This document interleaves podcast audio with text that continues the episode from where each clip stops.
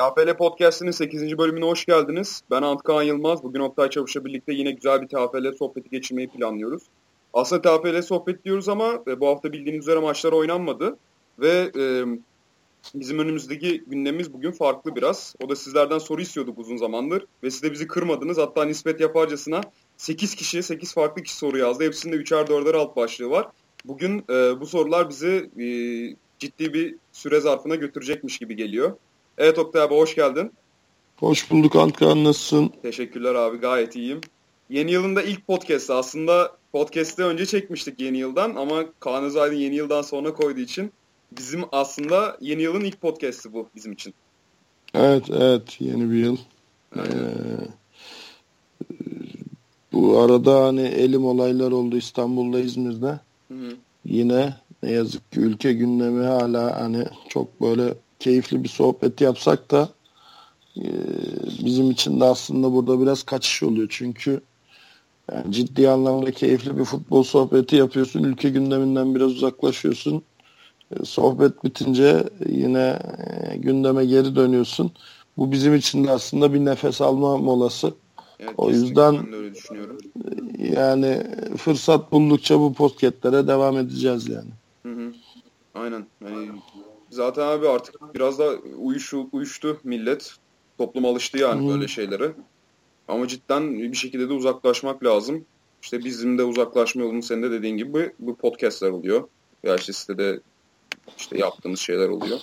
Evet, evet. Aynen. Yani tekrardan e, ulusa, topluma başsağlığı dileyelim buradan. Evet. Son olarak da İzmir'de oldu. Ben de İzmir'e geldim. İşte ondan iki gün sonra falan oldu. Yani artık her yerde bu olay. Neyse. Çok uzatmadan ilk soruyla başlayalım istersen abi. Tamam. Tamamdır. Aynen. Ee, bu arada e, bu sorulara isterseniz şimdi e, rafine ettim ben soruları. Çünkü çok uzun sorular. Yani rafine ettiğim haliyle bile e, ciddi bir e, sayfa sayısı tuttu. Yani ajanda biraz daha küçük bir e, defter ama onda bile 5-6 sayfayı buldu. E, tam sorulara, tam yorumlara e, TFL Podcast'ın 7. bölümünün altından ulaşabilirsiniz. Yani NFL TR'den ulaşabilirsiniz. Oraya yazıldı bu sorular. Biz onları rafine ettik, gözetledik. Ve e, şu anda bu soruları cevaplayacağız kendi özetimiz üzerinden. İlk soruyu abi soran e, Mustafa Levent Yener adında bir arkadaşımız. E, aslında biraz daha eleştiri yapmış. Geçen hafta doping konuşmuştuk. İşte hı hı. doping testleri yapılıyor mu yapılmıyor mu? Hatta onun üzerine bir yarım saat muhabbet etmiştik. Senin de e, biliyorsun şey akademik olarak uğraştığın bir alan olduğu için. Ve bir de o doping arasında bu yasaklı maddelerde uyuşturucu da geçmişti. Ee, hani sen uyuşturucu şey e, demiştin yanlış hatırlamıyorsam. İşte sporcular zaten onu kullanmazlar. Çünkü sağlıklarına çok zararlı performanslarını falan kötü etkileyecek diye. Ama Levent Yener'in, Mustafa Levent Yener'in itirazı şurada. İşte bu konuya pek katılmıyorum diyor. Hani e, birçok oyuncu kullanıyor bunu diyor e, uyuşturucuyu. Ve test yapın bakın neler çıkacak demiş bir de hatta. Kendisi savaşmış. Federasyona da sözlü olarak bildirmiş ama e, beklediği karşılığı alamamış e, bu konuda. Şimdi Mustafa Levent Yener e, buradan selam ederim. Çanakkale 18 Mart e, Üniversitesi'nin çömünün kurucusu. Aynı zamanda zaten okulda öğretim görevlisi. E, eski Hacettepe kökenli. Hı hı. E, hani camianın eskilerinden biri. E, akademisyen kimliği de tabii burada ağır bastığı için hani şey salt sportif başarı değil. Yani gençlerin iyi yetişmesi konusunda da ciddi bir duruma değinmiş. Şimdi ya benim geçen hafta bahsettiğim şey şuydu. Yani WADA'nın e, doping maddeleri kapsamında uyuşturucu da var ama Amerika'da tartışılıyor. Hı hı. Ya biliyorsun Amerika'nın bir dönemki en sansasyonel running back'i bu sporu bıraktı. Yani, yani uyuşturucu kul Evet. Hı. Evet ben uyuşturucu kullanırım, kullanmaktan keyif alıyorum. Evet. Ama bunu ben kendim için yapıyorum. Benim sporuma hiçbir katkısı yok. Benim performansıma, başarıma hiçbir katkısı yok. Bence doping kapsamında da olması saçma diyerek aldı bu kararını. E şimdi bu tartışılan da bir konu. Bakıyorsun pek çok ülkede yani ya da bazı ülkelerin eyaletlerinde serbest bırakıldı ya da bırakılması tartışılıyor. E, en sonunda Kaliforniya'da olmuştu. Hı hı. Yani e, şimdi Hollanda'ya gidiyorsun sokakta herkes içiyor buraya geliyorsun içtiğin an adli yaptırımı var. Evet. Yani tabii ki hoş bir şey değil. Çünkü uyuşturucunun en büyük alkolle birlikte en büyük handikaplarından biri e, paranoid, şizoid, psikotik rahatsızlıkları ortaya çıkartabilir. Yani sen içersin bir şey olmaz, ben içerim bir şey olmaz. Ahmet içer bir anda psikoza girebilir. Anladım. Ve bunun telafisi yok, geri dönüşü yok. Yani, yani değil mi? ben de biliyorum anksiyete ve işte e, ona bağlı böyle kompulsif bozuklukları olanlarda özellikle çok sıkıntılara sebep oluyormuş. Ya ciddi işte şey yani tedavisi olmayan nörolojik bir rahatsızlığa hı hı. E, psikiyatrik bir e, tabloya dönüşebilir. Yani en büyük riski o zaten. Yoksa keyif verici bir madde alkol gibi bakıyorsun ne olacak ya işte bir bira içsem çok mu diyorsun ama işte o bira sende bende herkes de aynı etkiyi yaratmıyor. Söz konusu uyuşturucu olunca. Evet.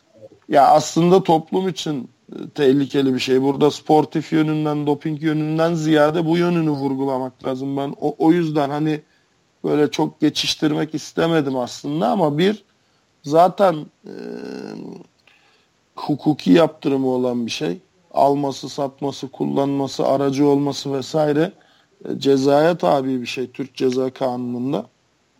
Onun dışında yani e, benim açımdan yani sportif açıdan baktığım zaman e, performance enhancer bir durumu yok.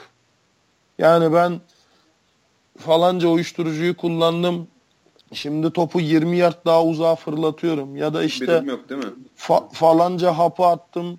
Hem kafası çok güzel hem bench press'te 100 kiloyu 10 tekrar fazla basıyorum gibi bir durumu yok. O yüzden ben uyuşturucuyu ayırıyorum. Yani zaten kullanılmaması gereken bir şey ama spor açısından da hiçbir faydası olmadığı için. Yani o yüzden yani kullanabileceğin herhalde en saçma şey performans açısından. İşte herhalde e, Mustafa Levent de e, görüyor ki bunu söyledi bize. Yani böyle sıkıntıları görüyor. Çok dikkat etmiyorlar herhalde sporcularda. Ama yani biz de buradan istersen yani bir mesaj mı verelim? Ya mesaj verilecek bir durum yok. Zaten bu ülkenin sorunu yani uyuşturucuyla savaş işte e, dönem dönem değişik ilaçlar geliyor. Bir ara işte barbituratlar, halüsinatifler revaçtaydı. Bir ara drugs denilen bu işte amfetamin türevi, ekstasiler, şimdi işte krokodil falan filan e, şeyde her daimin e, yani her daim Türkiye'de sirkülasyonda olan zaten esrar kanabis e, kullanılan bir yani sigara şeklinde işte içilen türevi her daim Türkiye'de ucuz ve kolay bulunan ve kullanılan bir şey ama ülkenin zaten kanayan yarası. E biz zaten bunları yapmasın da insanlar, genç insanlar spora yönelsin istiyoruz. Yani, yani hem spor hem de kullanmak biraz acı bir durum, trajik bir durum. A, a, aynen öyle. Biz aslında buna alternatif oluşturmak istiyoruz. Çünkü ülkede böyle e, sağlam tutarlı bir sosyal hizmet politikası yok. Yani o, okuyan okumayan gençler için okul dışı ya da okul sonrası alternatif sağlayabilen böyle gelişmiş bir sosyal ülke olmadığımız için biz e, kötü alışkanlıklardan ya da suçtan gençleri ve insanları koruyacak çok fazla uygulama yok. Biz buna aslında alternatif yaratmaya çalışıyoruz. Spor programları buna alternatiftir. Çeşitli meslek edinme kursları, çeşitli e, sanatsal e, aktivite e, organizasyonları buna alternatiftir. Gençler zararlı alışkanlıklardan e, suç içeren olgulardan uzak dursun. E bu hem zararlı hem suç.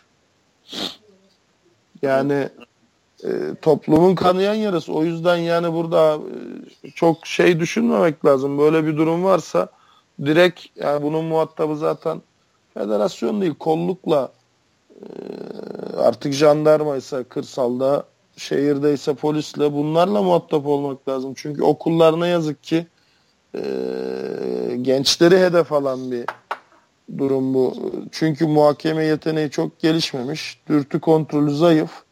E, okula gittiği zaman üzerinde otorite baskısı da yok. anne babadan uzak, akranlarıyla, popülerite adına, e, kendini ifade etme adına farklı, abartılı ve yanlış yollar seçebiliyor gençler. E, çok böyle soyut düşünce yok, çok dürtü kontrolü yok. Tam hedef kitle. Aynen. Ya çok sıkıntı bir durum cidden. Ya Amerikan futbolu camiasına umarız hani bir an önce böyle alışkanlıklar varsa da Mustafa Levent'in bahsettiği gibi bir şekilde silinir yani.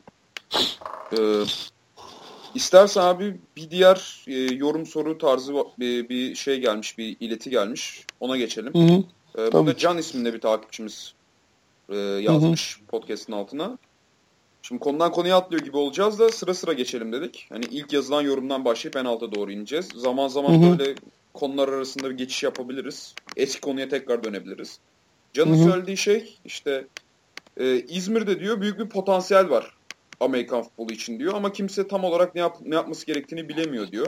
Bizim bu geçen hafta konuştuğumuz işte Ege Dolphins'in düşüşü, işte Yaşar'la ekonomi, Gediz'in biraz bir çıkışı var ama onlar da beklenen düzeyde değil. Aslında şey bizim konuştuğumuz şeyin kısa bir e, özetini geçmiş. Sen ne diyeceksin bu konuda? Yani bizim söylediğimizden çok farklı bir şey söylediğini düşünmüyorum ben. Ya biraz evet klişe olmuş. Yani aslında iyi çocuk da çevresi kötü. yani e, potansiyel var. Sadece İzmir'de değil pek çok şehirde potansiyel var da e, insanlar ne yapılması gerektiğini de biliyor aslında da işte e, o bilinen şeyi yapmak her zaman kolay olmuyor. Yani sen Ege Üniversitesi takımıyken e, üniversite olimpiyatlarına ev sahibi ev sahibi olan bir üniversitenin takımıyken senin yönetimin yüzlerce ülkeden binlerce sporcuyu sahaya sokabiliyor. Ama senin orada antrenman yapmana izin vermeyebiliyor. Ya da takıma yeni forma, yeni malzeme almana ya da işte 9 Eylül'ün çektiği sıkıntı biliyorsun. Bütün camia kenetlendi. Herkes bir şekilde destek olmaya çalıştı. Daha önce Bilgi Üniversitesi ki Bilgi Üniversitesi e, maddi ödenek sıkıntısı olmayan özel üniversite. Ama takıma yatırım yapmak istemediği için bir ara takımın kapatılması gündeme gelmişti. Aynen. İşte, Zaten bu tarz bir yorumu bir dinleyicimiz daha yapmış. O vakıf üniversiteleriyle ilgili e, hı hı. E, şey idare anlamda bir sıkıntı oluyormuş. Onu da e, vakti gelince konuşuruz. Ya bil, bil, bilgiyi ben burada farklı bir örnek olarak verdim ama biliyorsun bilgiyle ilgili çok büyük bir yolsuzluk skandalı da var zaten. Hı-hı. Şu an mütevelli heyeti başkanının çok ciddi miktarda bir parayı zimmetine geçirip işte daha sonra yönetime gelen yeni mütevelli heyeti hakkında e, bunlar işte paralel örgüt diye şikayette bulunup falan filan ortalığı karıştırdı fakat aslında olayın para meselesi olduğu e, ciddi anlamda bir vurgun yaşandığı falan yani bunlar işin farklı kısmı spor dışındaki kısmı ama ne yazık ki sporu da etkiliyor işte. şimdi adam 30-40 milyon dolar cebe indirince Amerikan fonuna verecek para kalmıyor, ödenek kalmıyor. Aynen öyle. Sen orada 10-20 bin liralık deplasmana gidemiyorsun. Çok acı bir durum ya. Ya o yüzden kimse tam olarak ne yapılması gerektiğini bilmiyor kısmına ben katılmıyorum. Potansiyel var. Evet insanlar ne yapılması gerektiğini de biliyor. Ama sadece Amerikan futbolu değil yani bütün amatör spor branşlarının sıkıntısı bu. Aynen aslında abi sadece spor içinde değil yani Türkiye'de sen çok daha iyi bilirsin ekonomi profesörleri başbakan oldu en kötü ekonomik çıktılar o zaman geldi yani ülkenin en kötü Aynen ekonomik öyle. çıktıları. Hani bu durum biraz da böyle aslında aksiyon almakla alakalı bir şey yani. Herkes teoride bir şeyler biliyor ama bir şeyler geçiriyor kafasından. Yine de hocama la hocama laf söyletmem. Tansu Çiller'den ders almıştım ben Boğaziçi'nde. Hadi ya. Tabii. Ya şey e, yani bu biraz evet e, amatör spor branşlarının desteklenmemesiyle ilgili bir durum. Yani ne yazık ki hadi zaten sponsor desteği, maddi destek, gençlik ve sporun e, spor il müdürlüklerinin desteğini zaten geçtim. Senin zaten öğrencisi olduğun kurum arkanda durmuyor. İşin acı kısmı bu. Yani bir şey buldum diyorsun, gidiyorsun yönetime aman başımıza icat çıkarma durduk yerde deyip gönderiyorlar seni geri. Yani böyle de cahil bir anlayış ya. Ya gidiyorsun yani Allah müstahakınızı versin diyen duydum ben ya. O kadar. Bu kadar yani Allah müstahakınızı versin. Nereden çıkardınız bunu diyen Amerikan futbolu deyince diyen insan duydum yani. Ya sonra da üniversiteler bir şeyler başarmaya çalışıyor bu konuda yani. E, elinde shoulder pad'le gidip de böyle aa binicilik mi bu eğer mi taşıyorsun diyen insan gördüm yani. Ya o kadar o kadar şimdi... uzak kalmış konuya. Aynen öyle. O yüzden bilmiyor değil de işte ne yazık ki şey böyle e, toplu iğneyle tünel kazıyoruz yani ışığa ulaşmak için. Evet. O, o yüzden destek olmak lazım zaten bu iş için çabalayan insanları. Çünkü gerçekten hiç kimse bu işi e, maddi bir beklenti için yapmıyor. Yapılmaz zaten. Akıllı işi değil yani deli işi bu. Değil mi işte senin hep e, bir lafın vardır ya yamuk bir topun etrafında yuvarlanıp gidiyoruz yani arkasında pardon yamuk bir topun arkasında cidden öyle yani. Aynen öyle. O yüzden işte destek olmak lazım. O yüzden dört elle sarılmak lazım. O yüzden saçma sapan A takımıyla B takımının kavga etmeyi bırakıp işte o koçla bu koçun o işte bilmem kimle bu. Ya zaten e, bir avuç bir camiayız yani. Bir araya gelmediğimiz sürece de bir şey olmuyor. Bunu insanların görmesi lazım artık.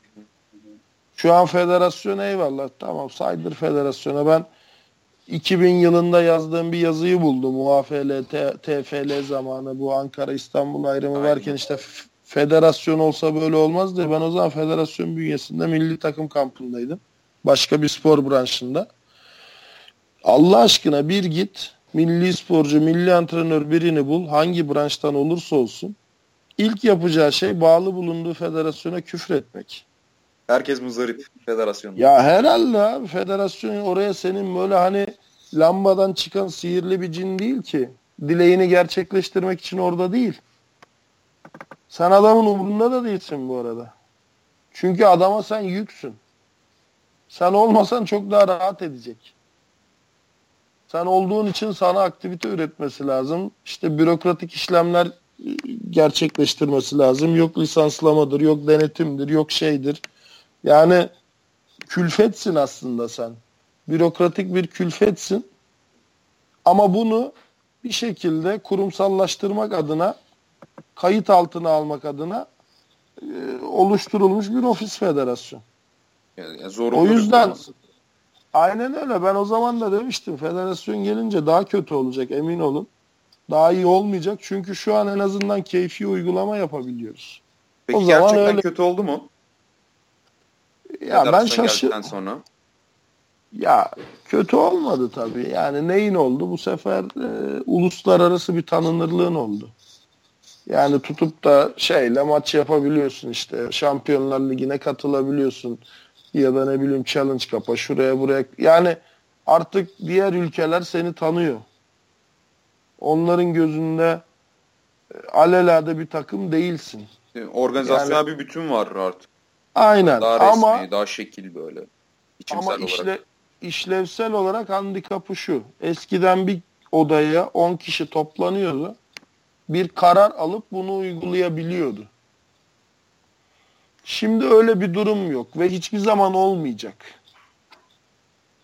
Çünkü bürokrasi girdi araya. Aynen öyle. Zinciri iyice uzuyor. Oradan oraya gidiyor. Oradan oraya gidiyor. A- aynen öyle. Ne kadar iyi, ne kadar yapıcı, ne kadar olumlu, ne kadar destekleyici bir yönetim kurulu olursa olsun bu sistemin işleyişi bu yönde. Sadece bizim için değil, herkes için. Ya git bir tane eski boksör bul. Git bir tane işte kickbox bölge temsilcisi bul. Güreşçi bul. Hepsi halinden şikayetçi. Evet, o zaman yani, böyle bir ortamda yani federasyon dışında bile insanların bir olması gerekiyor. Bir şekilde ortaklaşması zaten, gerekiyor. Zaten benim anlattığım şey şu. Ya yani anlatmaya çalıştığım şey. Düştün mü? Antkan iyi misin? İyiyim iyiyim. bir yudum bir yudum su aldım da. Eyvallah Vallahi yarasın. Boğazım kurudu. yarasın yarasın. Yani ortaya bir katma değer çıkarılacaksa onu yapacak olan takımlar, kulüpler ve insanlar. Tamam mı? Hiçbir federasyon, hiçbir spor branşına, hiçbir kulübe, hiçbir sporcuya ya da antrenöre altın tepsi içinde bir şey sunmuyor sunmayacaktı. Hele ki Amerikan Futbol Federasyonu, yani Rugby Federasyonu nasıl sunsun yani? Hele ki amatör sporda bu hayal ötesi bir durum. Ortaya bir şey çıkaracak kimse varsa bunlar kulüpler. Ve bu kulüpleri yöneten yöneticiler. Bu kadar basit. Evet. E, Can'a teşekkür edelim o zaman bize sorusu için. Hı E, yavaş yavaş ilerleyelim abi. Çünkü çok daha uzun sorular var. Onlara Hı hı. da geçelim biraz. E, şimdi üçüncü soru yorum şeyden geliyor. Onur Murat İnal'dan geliyor. İşte Flag Futbol Hı hı. yazılarından, e, Unileague TFL yazılarından tanıyoruz kendisini. E, durdu durdu sonunda artık yazdı bütün yorumlarını. Yani ben dedim Hı hı. ona bunları yazı olarak yazsaydın daha iyiydi dedim. Bayağı uzun şeyler yazmış çünkü. Ama biz Hı hı. yine de cevaplayalım. Ee, onun da dopingle ilgili bir sorusu var. Diyor ki o bence asıl sıkıntı işte e, steroid kullanımı diyor. Bu anabolik steroidleri kastediyor herhalde. Hı hı. Ee, bir de hani eskiden diyor e, tam bir şey ha pekmez bal, bal ceviz yerdik biz maçtan önce falan veya daha da eskiler ondan öncekiler bunu yaparlardı. Şimdi diyor supplementler, kimyasal supplementler falan alınıyor diyor. Bu steroid ve supplementler e, daha büyük bir sıkıntı oluşturuyor bence diyor. Sen ne diyeceksin buna? Şimdi burada şey demiş yani eee, steroid kullanımı eee, asıl konuşulması gereken konu ciddi kullanan takımlar var demiş. Yani sporcu olabilir ama takım ben yani hiçbir takımı töhmet altında bırakamam. Yani eee, sen işte eee, takım kurup oraya gelen 18-19 yaşındaki çocuğa al bu ilaçları iç bak iyi gelecek diyen kimseyi gördün mü duydun mu bilmiyorum ben görüp duymadım. Ya, aynen. Zaten öyle bir şey olsa abi bu steroid gate gibi bir skandal çıkar ortaya. Ha kaldı ki şimdi steroid dediğin zaman burada anabolik steroidlere giriyorsun. Human growth hormonlar, e, dekalar yani isim de saymayayım şimdi çünkü o da biraz şey yapmış. E, şaka bir yana doping nasıl kullanılır, nasıl alınır öğretici bir program oldu demiş de yani isim ve yöntem kullanmadan da nasıl anlatırsın bilemiyorum ama anlatmaya çalışayım.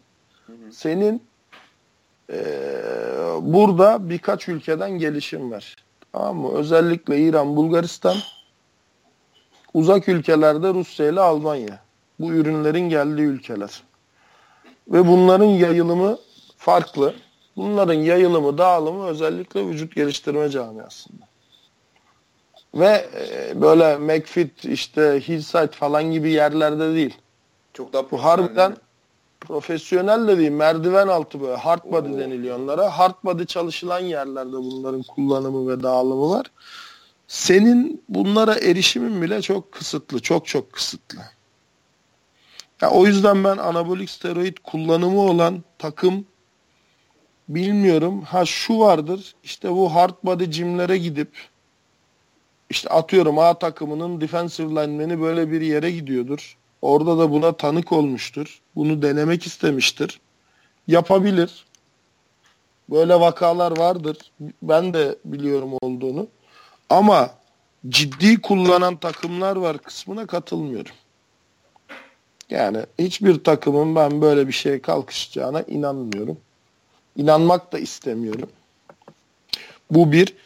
Ee, supplement zaten adı üzerinde supplement gıda takviyesi. Yani e, eskilerin bal pekmez cevizin yerini aldı diyor. E, haklı çünkü bal pekmez ceviz eski bal pekmez ceviz değil ki balın 10 kavanozu 100 liraya satılıyor artık. E bir de onu Ee, hazırlamak hazırlamak. Ya şeker kamışından yapılıyor. GDO'lu bal yani. Hani e, buzdolabına koy iki gün sonra bozuluyor. Şeyi şekerleniyor, dibe çöküyor. Eski bal pekmez yok ki. Organik yok artık hiçbir gıda. Yani şu an sağlıklı gıda deyince senin aklına ne geliyor özellikle et deyince? Et deyince mi? Hı hı. E, balık. Hı hı. E, başka gelen de çok Tavuk, şey yok tavuk yani. değil mi? Yani tavuk, değil mi? Beyaz et. söylemeye dilim varmıyor tavuk. Ha. E, Balık nereden geliyor peki? yani. Tamam balık nereden geliyor? Balıktan balık, deniz balığı falan. ha, balık çiftliğinden geliyor. Senin benim 40 yılda aldığımız kadar ilaç veriliyor balıklara. Yok vitamin, yok antibiyotik, yok şu yok bu. E, tavuk dediğin zaten Abi onu hiç Nor- açmayalım bile yani. Herkes görüyor sosyal medyada şurada burada. Nor- normalde 40 günlük tavuğun olması gereken büyüklük 300 gram. 40 günlük tavuklar 2 kilo kesiliyor günümüzde.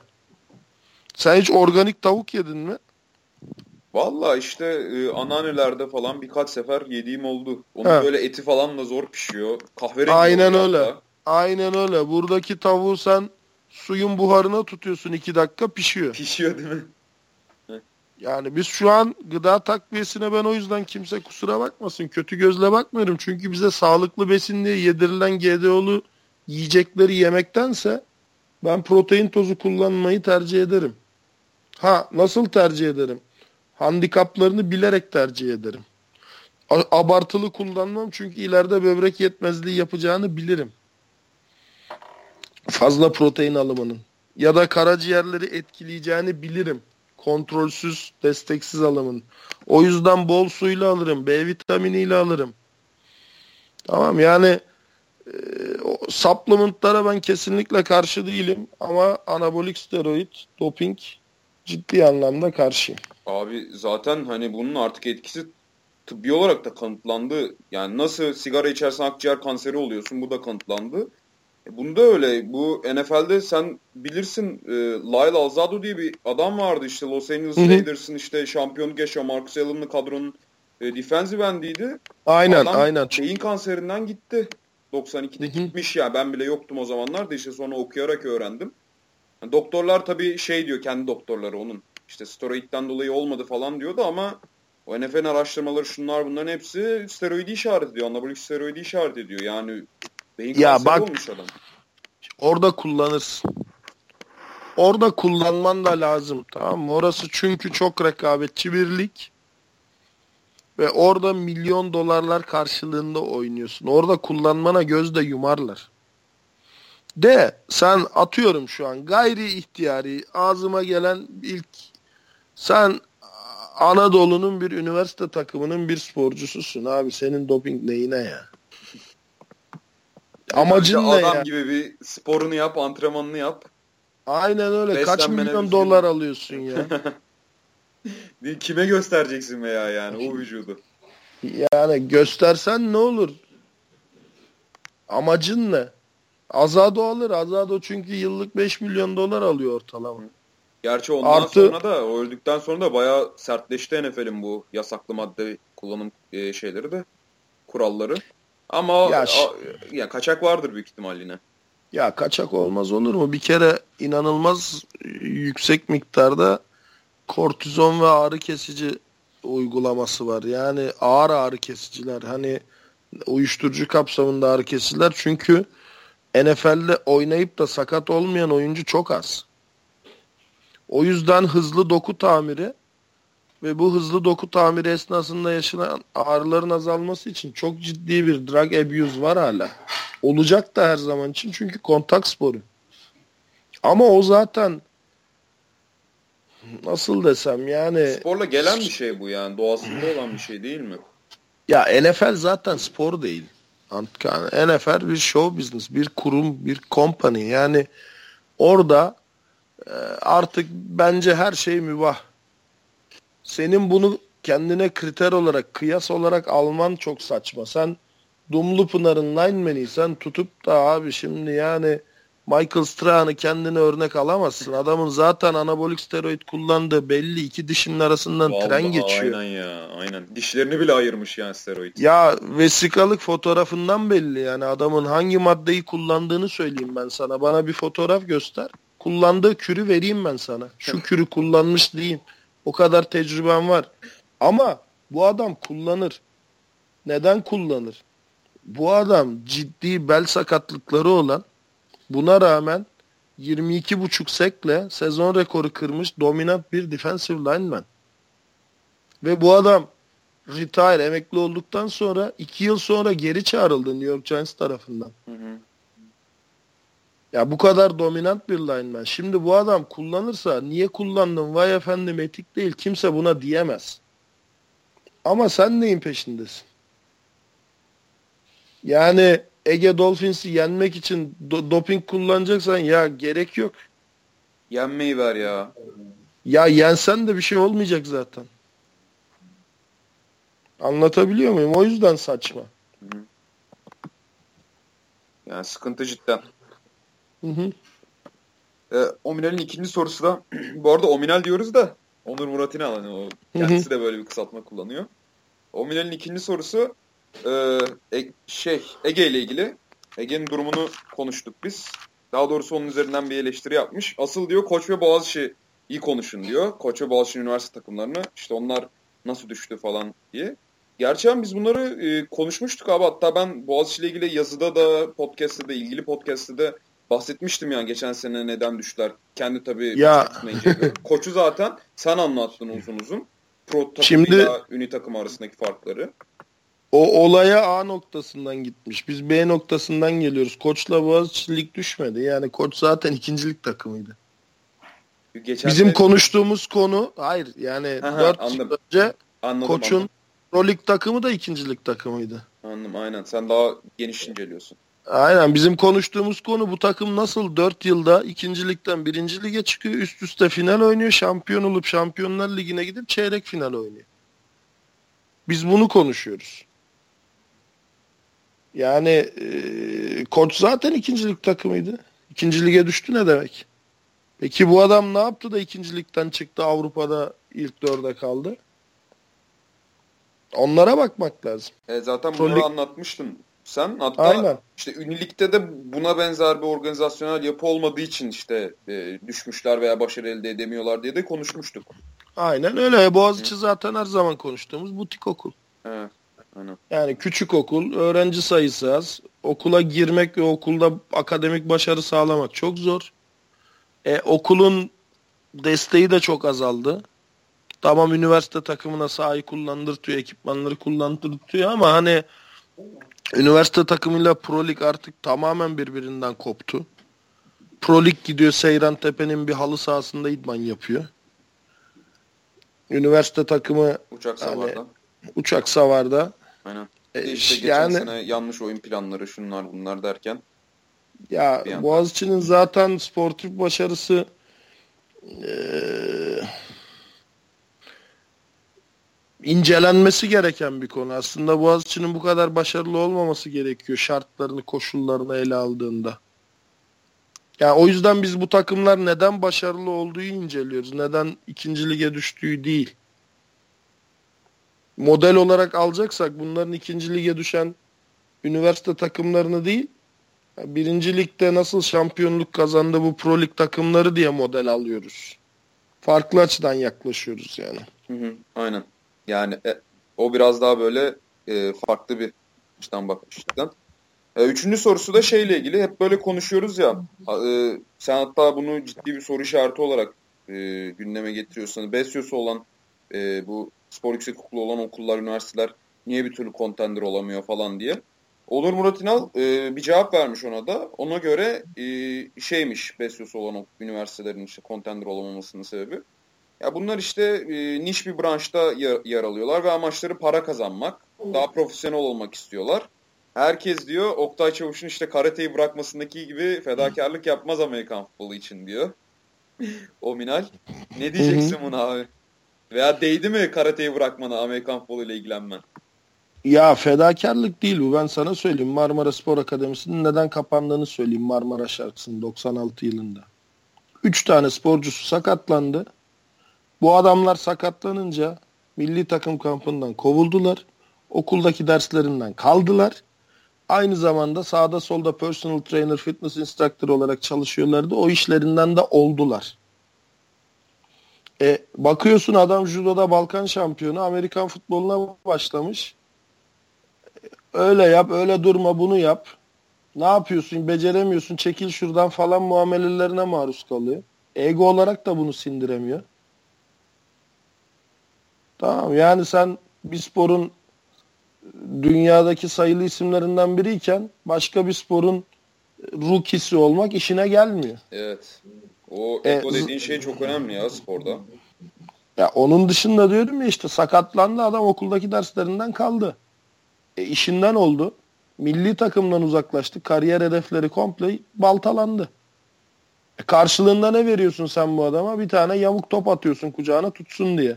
Evet. E adam diyor onu da tutmayı vereyim. Veya işte senin evde kupalar vardı ya içine USB koydun ha. Aynen. Onlardan kazanıyorsun. Aynen. Ee, ya o Minel'in sorusuna da böyle cevap vermiş olalım o zaman. Hı hı. E, dördüncü sorusu da var e, Onur Murat abinin. O da diyor işte o sorusu diyor. Avrupa'da işler karışık şu anda. Hatta bununla ilgili iki hafta önce, üç hafta önce falan ben bir haber yazmıştım. İşte e, Şampiyonlar Ligi, İFAF Şampiyonlar Ligi bu sene 5-6 takımla falan oynanacak. Belki oynanmama ihtimali Hı hı. var. O da anlatmış zaten kendi sorusunu uzun uzun. İşte e, işler karıştı. İFAF'ta bir taraf Paris'te kongreler düzenliyor, bir taraf New York'ta düzenliyor. İşte EFAF'ın e, başkan yardımcısı öncünde falan ortam karışık yani. Ee, Ya bu bu ne biliyor musun? Bu aslında biraz Arap Baharı. Amerikan futbolundaki Arap Baharı. Yani Amerika destekli, Amerika kaynaklı e, bir darbe planı. E, Onur Murat da tam ona değinmiş abi işte NFL Europe olaya dahil olur mu diyor. Hani dedin ya Amerika bir komplo kuruyor. A- Arap Baharı tarzı. Gerçekten dahil olacak mı Amerika buna? Ya NFL Yok, kadar? yok. E- e- NFL Europe oluşumunu tamamladı. Başarılı da olamadı. Hı hı. Ee, başka pazarlar buldu kendini. O pazarlarda ilerliyor. Ben NFL Europe'un geri geleceğini düşünmüyorum. Ee, ama şimdi işte EFAF ve İFAF üzerinden işte dünyadaki Amerikan futbolunu bir şekilde kontrol etme çabasında. Ya bu ne kadar başarılı olur bunu da ilerleyen dönemde göreceğiz. Şu ana kadar başarılı olamadı. Hı hı. Çünkü insanlar e, özerk bir şekilde gücü kendi ellerinde tutmak istediler. Başkalarının direktifiyle talimat alarak yapmayı değil. Aa, buradaki soruda şey demiş işte. Hmm, Cavaliers'la başlayan Avrupa'da oynama hedefi bugün Koç ve Boğaziçi ile konmaya, sahaya konmaya çalışsa da yeterli mi? Kesinlikle değil falan filan. Ya şimdi şöyle bir şey var. Ee, birincisi zaten Avrupa'da oynama hedefi Cavaliers'la başlamadı. Cavaliers dediğin şunun şurasında yani kurulması, faaliyeti kapanması kaç yıl öncesine dayanıyor? 7 yıl önce falan işte mücadele etmeye başlamışlardı yanlış hatırlamıyorsam. 2009 muydu? 2008 miydi? Ya biz 80'li yılların sonunda uluslararası maçlar yapıyorduk zaten Türkiye'de. Yani Murat'ın tabii ki yani Amerikan futbolu geçmiş işte Tigers'la başladı, Cavaliers'a geçti. O kadar eskiye gitmediği için bunları bilmemesi normal. Bizi asıl Avrupa'dan çıkartan Cavaliers oldu. Biz Challenge Cup'a katıldık biliyorsun. Hı hı. EFAF'ın Challenge Cup'ına Cavaliers Tigers Ee, adamlar üyelik aidatını ödemedi. Hakem masraflarını ödemedi. Ottu ile oynadığı lig maçını şeye saydırmaya kalktı. Challenge Cup'ın ya biz zaten ligde oynadık Ottu ile niye bir daha oynayalım? Oh. O maçın skorunu da oraya koyalım falan gibisinden. En son böyle hani onlar yüzünden ciddi bir ceza geldi Türkiye'ye. Ya şimdi oradaki o mücadeleyle koçun Şampiyonlar Ligi'nde ilk dörde kaldı. Anasından emdiği ak sütü kadar helal mücadeleyi ayırmak lazım. Biz zamanında Cavaliers'ın bu yaptıkları yüzünden kırmızı kart almıştık Avrupa'dan. Şimdi koçun yaptıkları sayesinde alkış alıyoruz. Evet. Onları bir ayrı kefelere koymak lazım zaten. Hı hı. Ee, Boğaziçi ile Koç her zaman için Avrupa'da başarılıdır. Boğaziçi zaten dediğim gibi 80'lerin sonundan beri uluslararası maç yapan, uluslararası arenada temsil edilen bir takımdır. Ee, yeterli mi? Değil. Param var mı? Yok. Almanya'da bir takımla karşılaşsak ne yapabiliriz demiş. Ha, evet bir de öyle bir jenerik bir sorusu var. Buna ders alırız. Ç- çok güzel ders alırız. Hele bir de Çok böyle güzel ders X alırız. takımlarıyla falan oynasa. Ya çok ciddi, e, çok güzel bir soru. Gerçekten teşekkür ederim. Hep soruluyor böyle. E, Hiçbir zaman konuşma şansımız olmuyor. Çok sağ ol Murat. Bu soruyu sorduğun için. Böyle bize hani mekteplerde okutulur ya. Bak şunu yanlış yapıyorsun onun yerine böyle yapacaksın diye. Daha sen o stada gittiğin ilk andan itibaren bir Amerikan futbolunun programının nasıl olması gerektiği hakkında mükemmel bir ders olur. Bundan 2-3 sene önce Koç da Avusturya'nın mesela U19 takımıyla oynamış. Sence oradan iyi bir şeyler kazanmıştır. E tabii ki Değil mi abi? kazanmaz olur mu? Yani Ciddi bunu fark yedi. bana. ya ciddi fark yedi diye dalga geçtiler falan da ne alakası var? Zaten o bir önceki soruda söylediği gibi e, başkasının yumruğunu yemeyen kendi yumruğunu balyoz zannediyor. Sen yenilmeden zaten e, hatandan ders çıkartmayı, pay almayı nasıl öğreneceksin? Evet. Yani ciddi anlamda hizmete uğraman lazım ki ayağa kalkıp güçlenip tekrar deneyesin. O yüzden çok iyi bir şey yaptı koç. E, zaten ne kadar faydalı olduğu da ortaya çıkıyor. Değil mi? Biraz işte o sportif egoyu burada kenara bırakmak lazım.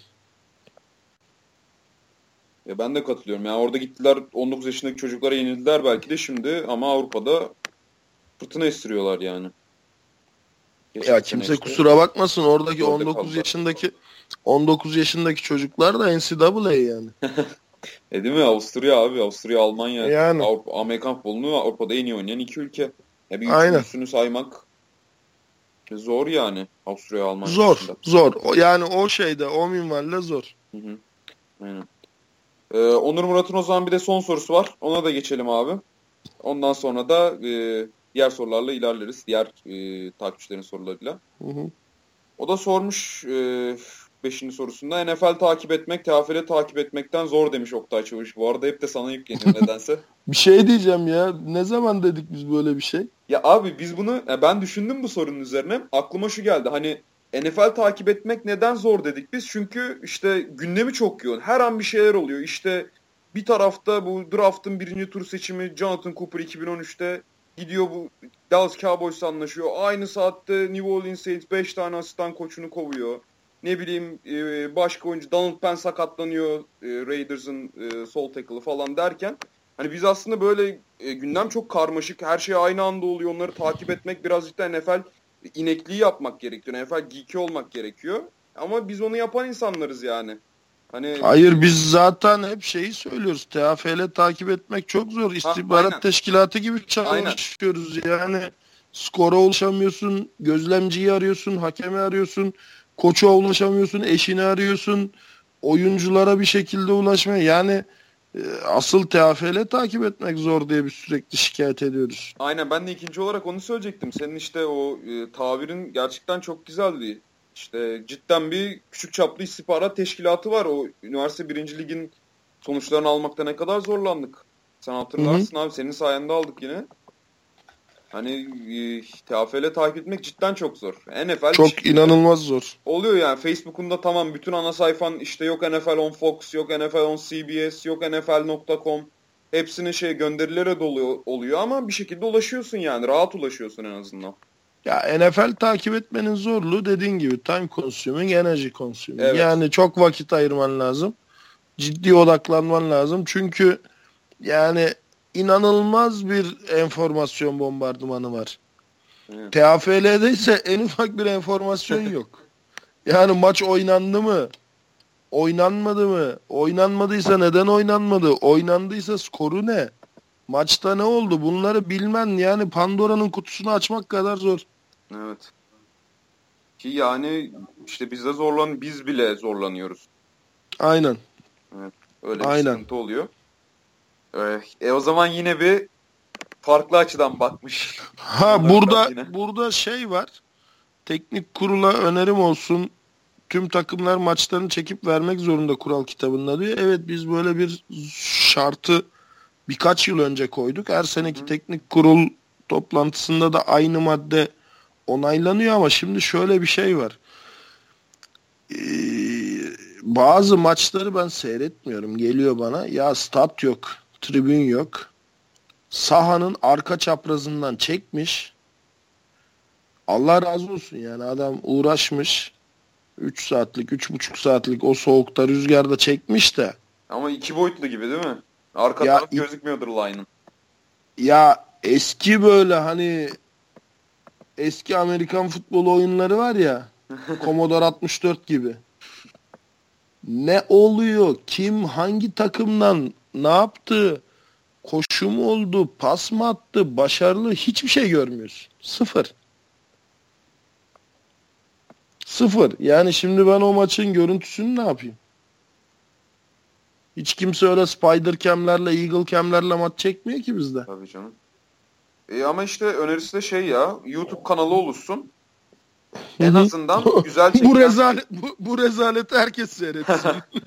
Yok be abi şimdi haklarını yemeyin. Güzel çekilen maçlar da oluyor ya. Ya tamam, işte herkes ulaşsın diye söylemiş. tamam güzel çekilen maçları zaten seyrediyoruz. Paylaşılır da hatta şey de yapılır. Yani program da yapılır o görüntüler üzerine işte TAFL gündemi falan gibi böyle de kötü çekilen maçı ne yapacaksın? Paylaşılsa ne olur? YouTube kanalına konsa ne olur? Marka değerini düşürür ya liglerin. Hani çok marka değeri vardı sanki. Aynen. Aman çok yüksek şimdi sakın düşmesin.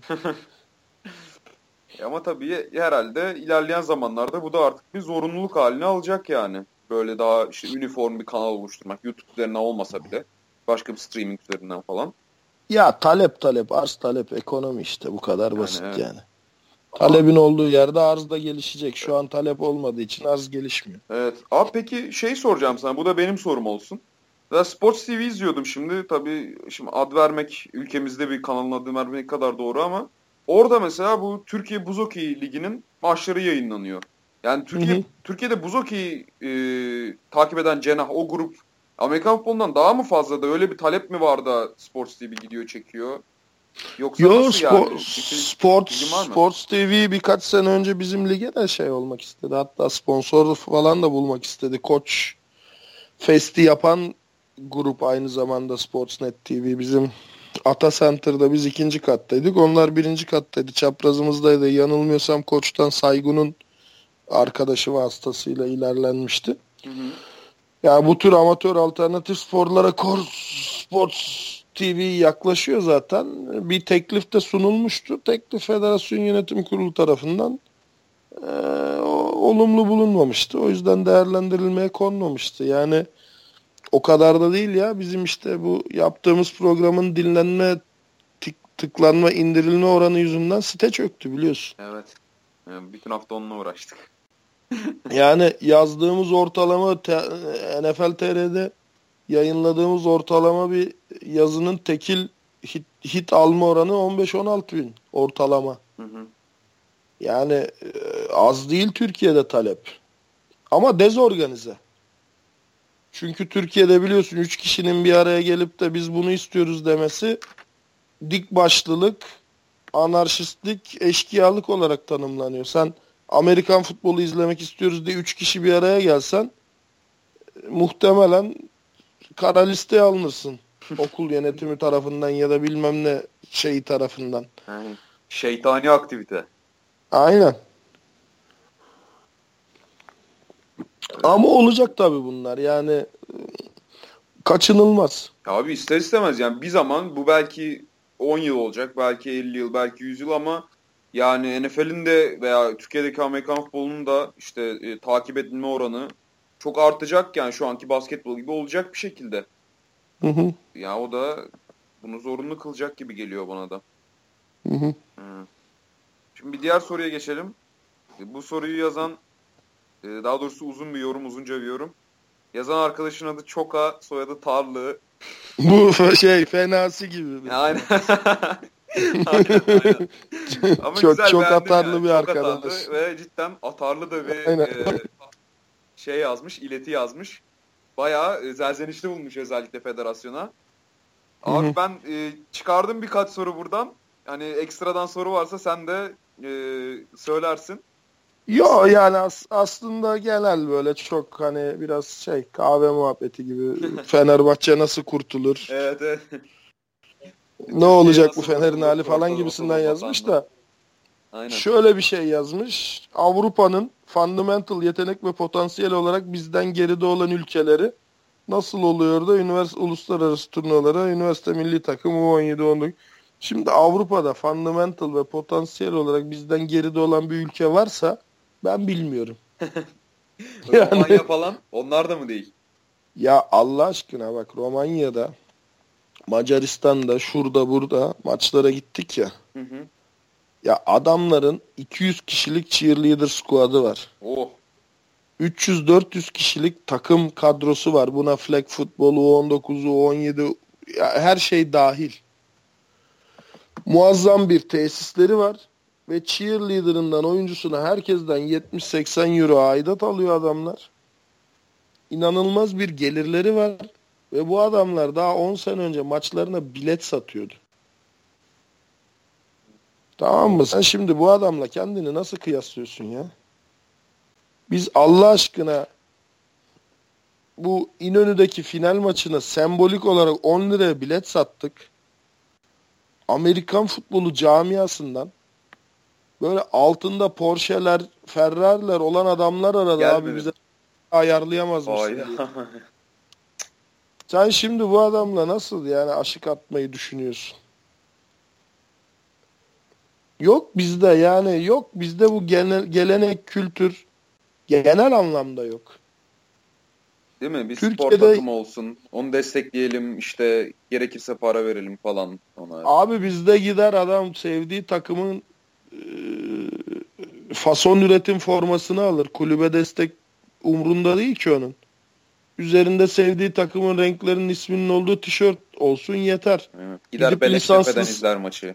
Tabii. Biz bir ara işte ayna tutup gözlerimizi kısınca şifreli yayını çözüyoruz diye maç izlemeye kalkan jenerasyonduk yani. E, doğru. Öyle olunca da böyle oluyor işte. Aynen öyle. Yani kimse kusura bakmasın. Bizde şu an evet potansiyel var ama kişisel yetenek bizim bizim bütün spor organizasyonlarımız öyle. Bizde amaç çünkü işin şov kısmı. Fundamental kısmı değil. Biz futbol maçına çıksak kimse kaleci olmak, defans olmak istemez. Herkes forvet olur. Forvet olan da rövaşatayla gol atmak ister. Yani biz işin şov kısmındayız. Artistlik kısmındayız. Tembel bir milletiz. Çalışmayı çok sevmeyiz. Yani koşmayalım. Maça çıkalım ama koşmayalım. Böyle bir artistlik bir hareket yapalım. Bütün tribünün kalbini, gönlünü kazanalım. Ve İşte- her sporda böyle ya. Her sporda böyle bu. Yani genelde aklımıza ilk gelen adamlar böyle bir spor dalında öne çıkmış adamların hiçbirisi koşmaz. Sansasyonel tavırlarıyla böyle attığı birkaç tane güzel golle, birkaç tane İşte- işte, smacıyla, şuyla, buyla. Neden? Öyle bireysel yani. bireysel yetenek. Hı hı. Var, potansiyel çok var. Ülke nüfusu çok yüksek, genç nüfus çok yüksek. Sportif potansiyeli yüksek olan çok fazla genç var. Ama hepsi tembel ya. Evet. Değil mi yani bu nüfus bu kadar olunca illaki böyle Röveşta'yla orta sahadan gol atan birisi çıkacak. illaki ne bileyim 10'da 9 üçlük atan birisi çıkacak. Ama onu çalışmayla birleştirmek lazım yani. Aynen öyle. Hı hı. Ve sadece şey değil bu arada. Sadece sporcusu değil. İdarecisi de tembel, antrenör de tembel. Yani sen hiçbir fundraiser gördün mü? Yok. Buradaki en büyük fundraiser işte şu an söyleyeyim Galatasaray toparlansın diye plastik bileklik satmaya çalışıyor. Tür- Türkiye'nin işte bütün spor programları arasındaki en büyük fundraiser aktivitesi. Sarı kırmızı bileklik satın al takımına sahip çık. Çünkü organizasyon istemiyor. Çin'de ürettiriyorsun 1 sente burada satıyorsun 10 liraya. O bile tembel işi yani. Ya abi bu ülkede işte Formula 1'i iptal ettiler o yüzden ya. Hani e, o kadar dünyaca ünlü pilotlar geliyor şunlar bunlar marka değeri ülkenin. Adamlar gidiyorlar işte o Tuzla'daydı ya o e, Formula 1 pisti İstanbul Park. Çevresindeki dağlardan falan izliyorlar. Aynen Ve öyle. hiçbir bilet geliri elde edilmiyor.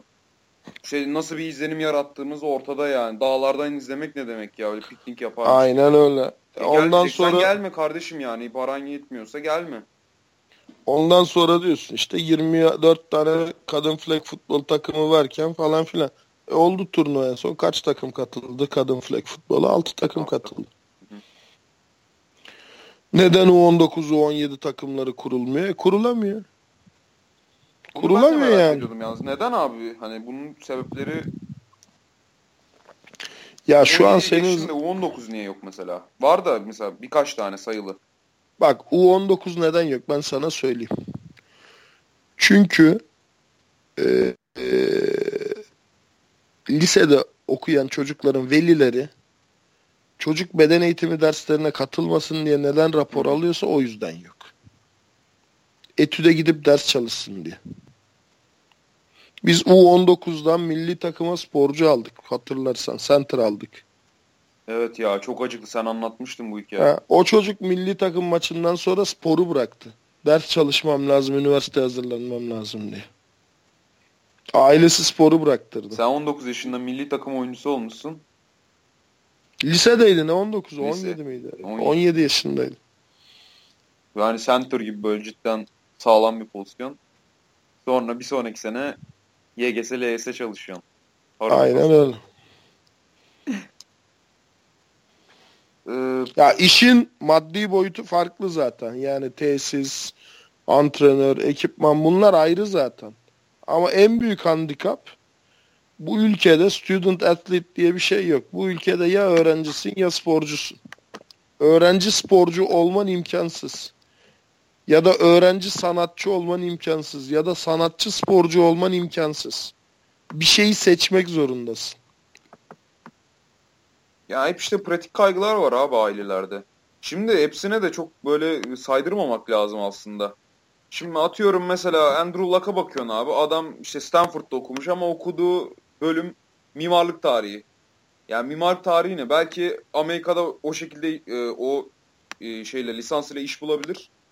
Yani Amerikan futbolu oynasa bile, oynamasa bile iş bulabilir.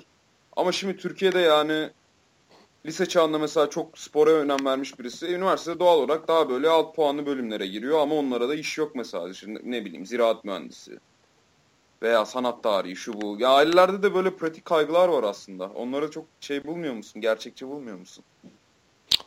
Ya gerçekçi evet sistem öyle. Sistem diyorum ya senin iki şeyi bir arada yapmana izin vermiyor. Evet, aynen. Ya tabii Yas- aileler Ya- de buna biraz çanak tutuyor E- da.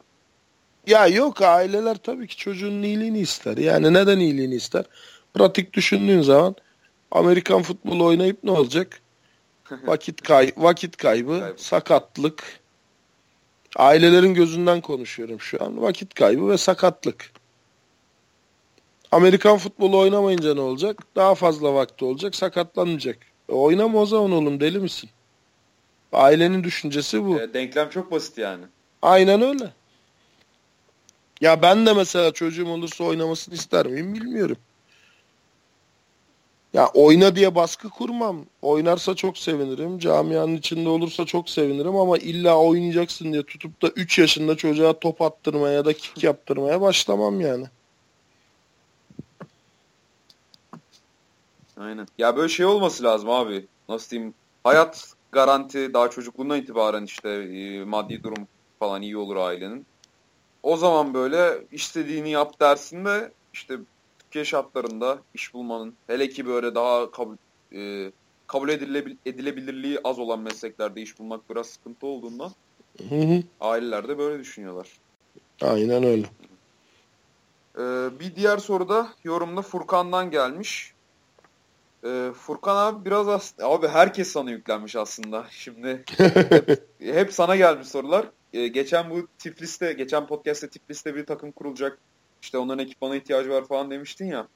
Hı hı. Onu diyor işte hani ülkemizdeki takımların lojistik sıkıntıları var diyor. Hani önceliğimizi onlara versek daha iyi olmaz mı demiş o da. Onun da hani yorumunu buradan şey yapalım, e, dillendirmiş olalım. Ya bak şimdi bu şeyi eleştirmiyorum. Bu bugün farklı bir mecrada konuştuk bunu. Türkiye'deki sistemin sıkıntısı şu. Küçük olsun benim olsun. Tamam çünkü bu şeydir. eee, kuraklık yaşamış Anadolu çiftçisi zihniyetidir. Kanaatkar. Evet. Peki arkadaş tamam Tiflis'te gelişmesin. Yunanistan'da zaten sen kimle oynayacaksın o zaman bu sporu? Sen uluslararası anlamda ilk maçına NFL takımıyla çıkmayı mı planlıyorsun? Yani Romanya ile oynadık. Neden Romanya ile oynadık? İstesek Almanya ile oynayamaz mıydık? Oynardık. Bu iş halka halka gelişir. Uluslararası çerçeveye ilk çıktığında halka halka geliştirirsin. Bir dış çembere geçersin. ikinci dış çembere, üçüncü dış çembere, dördüncü dış çembere böyle böyle. E sen çevredeki senin gidebileceğin en ucuz deplasman. Oyun kalitesi bakımından dişine göre en kolay rakip. Ya Bulgaristan ya Gürcistan. Bu kadar basit. O yüzden Tiflis'e destek olmak zorundasın. Uluslararası global anlamda düşünüyorsan. Sen şimdi gidebilecek misin buradan uçağa binip İngiltere'ye? Vize, vizeyi geçtim hadi diyelim ki bir şekilde senin bütün oyuncularına vize verildi. Uçağa binip otel rezervasyonu tamam malzeme eksikleri yüzünden maça çıkamayan takımlarımız var var. Bunu hepimiz biliyoruz. Ama malzeme takımı yani malzemesi olmayan takım deplasman masrafını da zaten ödeyemiyor. Şu an bir takımın Türkiye içinde deplasmana gitmesi 10 bin lira. Otobüsüdür, otelidir, ıvırıdır, zıvırıdır. Ya yani 3 tane shoulder pad değil yani Türkiye'deki eksik. Takımların maça gidememesinde. Ama sen bir şekilde eğer uluslararası bir şey düşünüyorsan işin bir adım, iki adım, üç adım sonrasını düşünüyorsan Yunanistan'daki ve Gürcistan'daki programları desteklemen lazım. Çünkü sen şu an Tiflis'e kişi başı 200 liraya, 300 liraya uçak bileti bulabilirsin. Otobüste 80-100 liraya gidebilirsin. Kalacak yer Özel... keza çok ucuzdur. Ya tabii ki şimdi İstanbul için konuşmuyorum. Zaten Rize'den, Trabzon'dan inanılmaz yani saatlik geçişler var. Git uluslararası bir deplasman yaşa orada bir maç oyna. Yeni program tecrübesiz sahadaki rekabet de ona göre olacak. Uluslararası anlamda maç kazanmış olacaksın. Yani işin böyle bir yani mercekle odaklanma kısmı var. Bir de biraz 2-3 adım geriye atıp büyük resmi görme kısmı var. Ben de tam Bak, öyle diyecektim abi. Sen hep diyorsun ya bu podcast'te hani bizim amacımız daha büyük çerçeve, uzun vadeyi görmek, işte kısa vadeli hedeflere takılıp kalmamak diye. Ben zaten geçen şeyde de bu tarz bir e, o yüzden bu tarz bir yorum yaptığını tahmin etmiştim. Ya o yüzden sen Yunanistan'a, Gürcistan'a, Bulgaristan'a yatırım yapmak durumundasın. Bu kadar basit. Furkan'a da cevabını böyle vermiş olduk. Ya o, o şey kendi açısından düşünüyor tabii. Yo, yani evet, önce evet, kendimizi çözelim. Hı hı. Tamam da sen zaten kendini çözemiyorsan senin maça çıkamama sıkıntın ekipman değil. Senin maça çıkamama sıkıntın koç, saha, tesis, deplasman masrafları. Yani bir futbol programının yıllık bütçesinde yer alan kalemler için de belki en ucuzu ekipman. Ya beni bugün 3 tane takım aradı ya. Antrenörümüz yok. Antrenör bulmamız lazım katılmamız için diye. Sen antrenöre para verdiğini düşün. Kaç para vereceksin aylık? Yani Al sana bütün takımın ekipman masrafı. Bir antrenörün yıllık... Ya bunları o yüzden kendimizi şey etmeyelim. Yani küçük görmeyelim o kadar. Bizim iki, iki shoulder pad'e ihtiyacımız yok bu ülkede. İki kaska ihtiyacımız yok. Çok daha fazlasına ihtiyacımız var. Ama diğer ülkelerden de çok daha fazlasına da sahibiz. Bu saydığımız ülkeler arasında. O kadar da küçümsemeyelim yani. Sorunlarımızı da küçümsemeyelim, sahip olduklarımızı da küçümsemeyelim. Evet. Şimdi Kürşat'ın sorusuna geçelim istersen abi. Hı hı, tabii ki. O da geçen hafta üniversiteler birinci, birinci ligini konuşmuştuk. Onunla ilgili bir şeyler söylüyor. Ee, bu A grubunda Boğaziçi'nin işte Okan'ın e, Uludağ'ın olduğu grupta Atılım Mersin ve e, Dayı e, Doğu Akdeniz Üniversitesi biliyorsun maçlarını oynayamadı. konuşuyorduk hep buradan ya. Evet evet evet. İşte evet. lojistik sıkıntılar sebebiyle e, diğer sıkıntılar sebebiyle falan. O da işte onun üzerine bir şeyler söylemiş. Program başında da aslında bu program başında da biraz konuşmuştuk. İşte vakıf üniversitelerinde bazı sıkıntılar oluyor diyor. Yani hı hı. şimdi e, spor koordinatörlüğüyle mütevelli heyeti bütçe konusunda anlaşamıyor zaman zaman diyor. Bu da işte sporcuların okuldan bütçe almasına büyük bir e, engel teşkil ediyor. İşte koruma futbol branşına gerekli değeri vermiyorlar e, diyor. Bu da işte üniversitelerin deplasmana gitmesi, işte ne bileyim maçlara çıkması, okuldan bütçe alması bu sorunlara sebep oluyor diyor. Peki yani bu e, işte Atılım Mersin ve Dayı'nın ne bileyim ekipman sebebi, ekipmansızlık sebebiyle, formasızlık sebebiyle maçlara çıkamamasının bir mazereti olabilir mi sence? Ya bu sıkıntıları bak şimdi Kürşat kaç yaşında bilmiyorum. Yani belki gerçekten eskilerden şimdi resim falan da yok. Avatar da olmadığı için hiçbir şey gözükmüyor. Ya ben bu sıkıntıları kaç yıldır yaşıyorum biliyor musun Antka? Ama şöyle bir olay da var bak şimdi bizim ee, Türklerin en büyük özelliklerinden biri de sistemi bypass etmektir. Biz bu sıkıntıları Boğaz içinde de yaşadık. Recep Akıcı Allah razı olsun Recep abi. Yani eli öpülecek adamdır. Sadece Boğaziçi değil Türk Amerikan futboluna katkıları çok büyüktür. Boğaziçi'nin kurulması, federasyona bağlanmamız, ilk milli takım kampları, ilk federasyon aktiviteleri hepsi onun sayesinde olmuştur. Boğaziçi Üniversitesi kız voleybol takımına forma alıyorum deyip Amerikan futboluna forma almıştır. Boğaziçi Üniversitesi futbol takımına e, alüminyum kale alıyorum deyip Amerikan futbol takımına malzeme almıştır. Tamam mı? Yani sistem olan yerde bypass da oluyor. Olabiliyor daha doğrusu. Bazı okullarda da olamıyor. Bu aslında biraz o sistemde e, okulu temsil eden insanın tutumuyla alakalı karşında gerçekten seni sevmeyen, nefret eden bir adam varsa Boğaziçi'nin takımı 3 kere kapatıldı. Gerek gösterilmeden. En son duyduğumuz şöyle bir şey demiş öğrenci dekanı. Amerikan futbolu Boğaziçi'ne yakışmıyor, golf oynasınlar. e şimdi podcast'te de küfür etmek istemiyorum çünkü çok da küfür ettim zaten kendisine. Golf ne demek ya? Ama, ne ya işte var böyle adamlarla şey mi, da, golf mu oynayacaklar? Ya böyle adamlarla da muhatap olabiliyorsun. Ben o yüzden o çekilen sıkıntıları çok iyi biliyorum. E zaten burada da ufak ufak dile getiriyoruz sürekli. Yani e, bu podcast'in başında bile konuştuk işte e, şeyin başına gelen Bilgi Hunters'ın başına gelen sezon başında e, dayı 9 Eylül Efe'lerin başına gelen evet 35 tane genç çocuğun arkasında olmuyor. Okul. Çoğu zaman olmuyor. E, ama buradaki konu da biz bu sistemi nasıl bypass ederiz? Çünkü bir şekilde bypass'ı mümkün. Ben kişisel tecrübemden bunu biliyorum. Diyorum ya ağzından girdik, burnundan çıktık, öyle ettik, allem ettik, kallem ettik. Amerikan Maçlara futbolu çıktınız. Amerikan futbolu takımına forma çıkartılmadı. Voleybol takımına forma çıkartıldı. Amerikan futbolu takımına malzeme çıkartılmadı. Futbol takımına malzeme çıkartıldı. Yani bir şekilde bypass edebiliyorsun sistemi.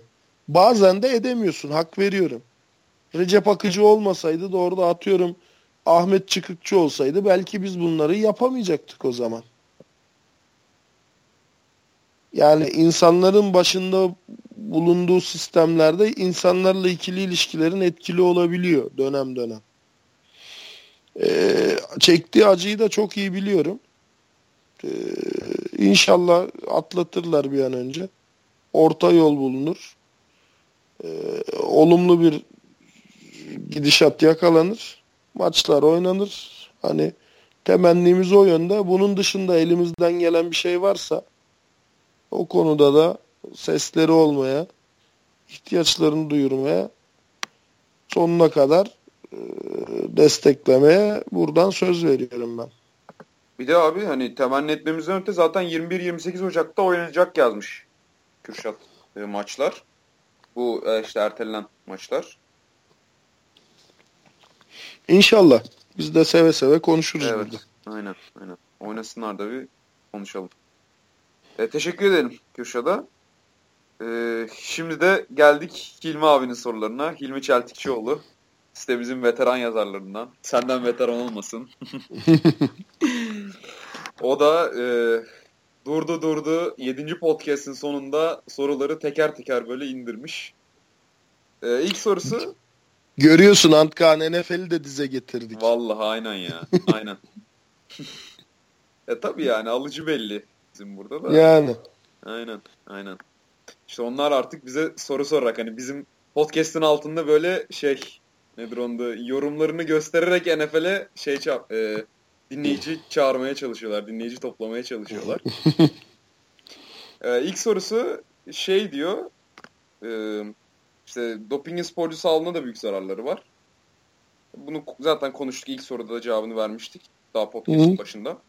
Bir de işte steroid kullanımı konusunda genç arkadaşları uyaran bir mesaj bekliyorum demiş. Bunu da zaten e, verdik. Yani teker teker bahsettin zaten. Psikolojik etkileri şunlar bunlar. Bu performansa hiçbir etkisi yok falan diye de üzerine Aynen öyle. E, basa basa söyledin. İkinci soruda e, şey geçen hafta bu Adderall'ı konuşmuştuk. E, Ritalin'i konuşmuştuk işte dikkat arttırıcı, tetikleyici, uyarıcı ilaçlar. E, İlmi abi de şey sormuş. Zamanında diyor leblebi gibi yutuluyordu bu efedrin diye bir ilaç. İşte evet, ne zararı e, efe... var, ne işe yarar kısa dönemde bunu sormuş. Efedrin o zamanlar satın alması çok ucuz bir ilaçtı. Yani şimdinin parasıyla atıyorum 8-10 liraya alıyordun kutusunu. Aslında e, Sara hastaları için kullanılan amfetamin türevi ilaçlardandı. E, bunun kimyasal katkılı türevleri de club drugs diye geçiyor. Yani uyuşturucular işte agonist, antagonist, baskılayıcı, coşturucu, eforenler var. Bir böyle seni coşturan. Ee, seni bastıranlar barbituratlar var işte. Bunlar böyle e, görürsün uyuşmuş kendinden geçmiş yarı uykuda yarı uyanık. Modu düşüyor. evet baskılayıcı ilaçlardır. Efedrin de aslında e, işte en meşhur türevlerinden biri ekstasidir. Club drugs diye geçer. Gece kulübü ilaçları. E, şimdi krokodil krokodil diye farklı versiyonları çıktı. E, inanılmaz bir double efekti olan bir ilaç. İlk başta seni ciddi anlamda coşturur. Sonra da ciddi anlamda baskılar. Bunun kullanımı şöyle. Bunu aldığın zaman açlık, susuzluk, yorgunluk, sakatlık, hastalık hiçbir şey hissetmiyorsun. Hiçbir şey hissetmiyorsun. Yani kolun kopsa sen yine koşmaya devam ediyorsun. Bacağın kırılsa sen yine zıplamaya devam ediyorsun. Dudakların çatlıyor, susadığını hissetmiyorsun.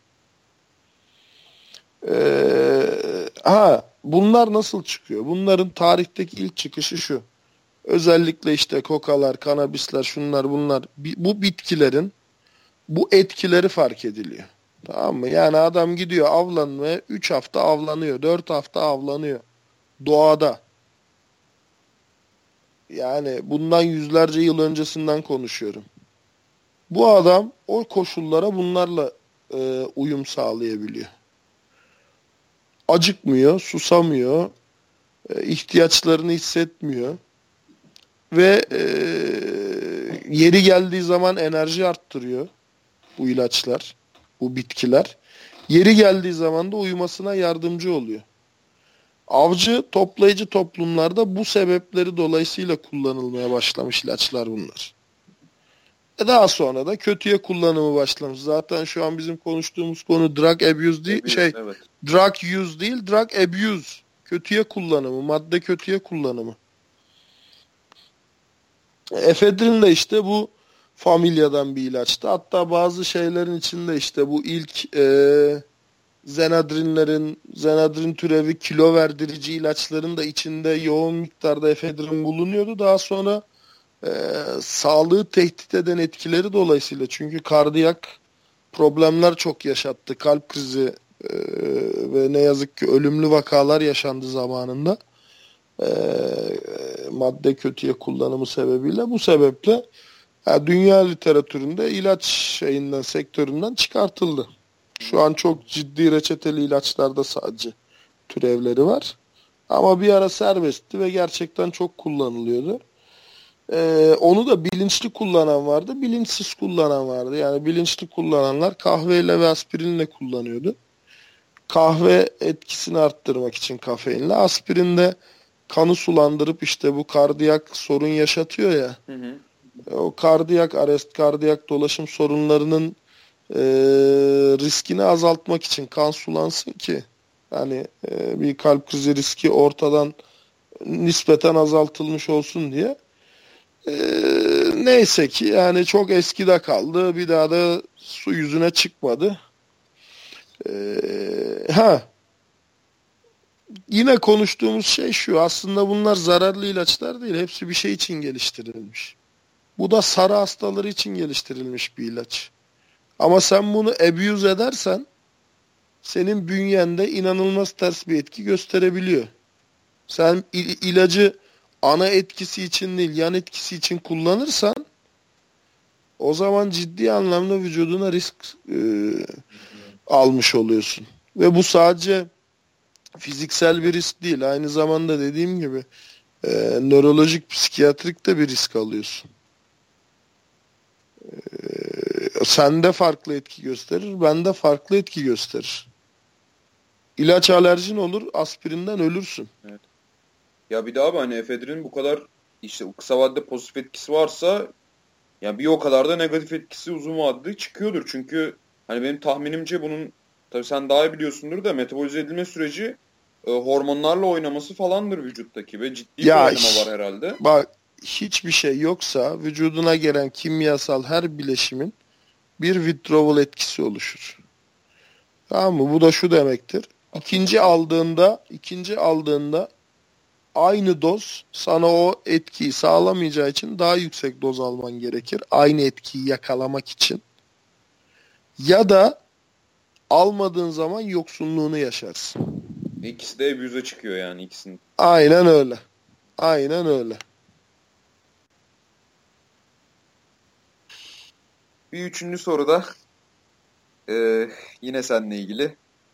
Oktay Çavuş'un QB yıllarından bahsetmiş. Senin bir fantezinden bahsetmiş hatta. Abi idmanlarda çaylak oyuncuların karnına saatte 1000 kilometreyle top atıyormuşsun. ve oyuncuları kusturuyormuşsun. Bu nereden geliyor diyor. Ya bu nereden geliyor? Ya bizim o zamanlar tabii bu bahsettiği yıllar ekipmansız yıllar. Yani positional drill diye bir şey yok. Bütün takım aynı şekilde ısınıyor. Bütün takım aynı drillleri yapıyor. Passing receiving drill'e geçiyorsun. Offensive lineman de passing receiving yapıyor. yani linebacker da passing receiving yapıyor. Şey de Herkes hurra diye giriyor yani. Aynen, aynen. E tabi o zaman bilmiyorsun ki böyle çok hızlı, çok sert top atmayı bir şey zannediyorsun. Yani bir artı bir özellik zannediyorsun. Her pası çok sert atman gerekiyor zannediyorsun. Yani Hilmi yine iyi karnı e, şey etmiş, kızarmış, leke olmuş, topun izi çıkmış. Evet. Ben kaç tane adamın parmağını kırdım ya. Uf, Mermi gibi top atıyorum diye.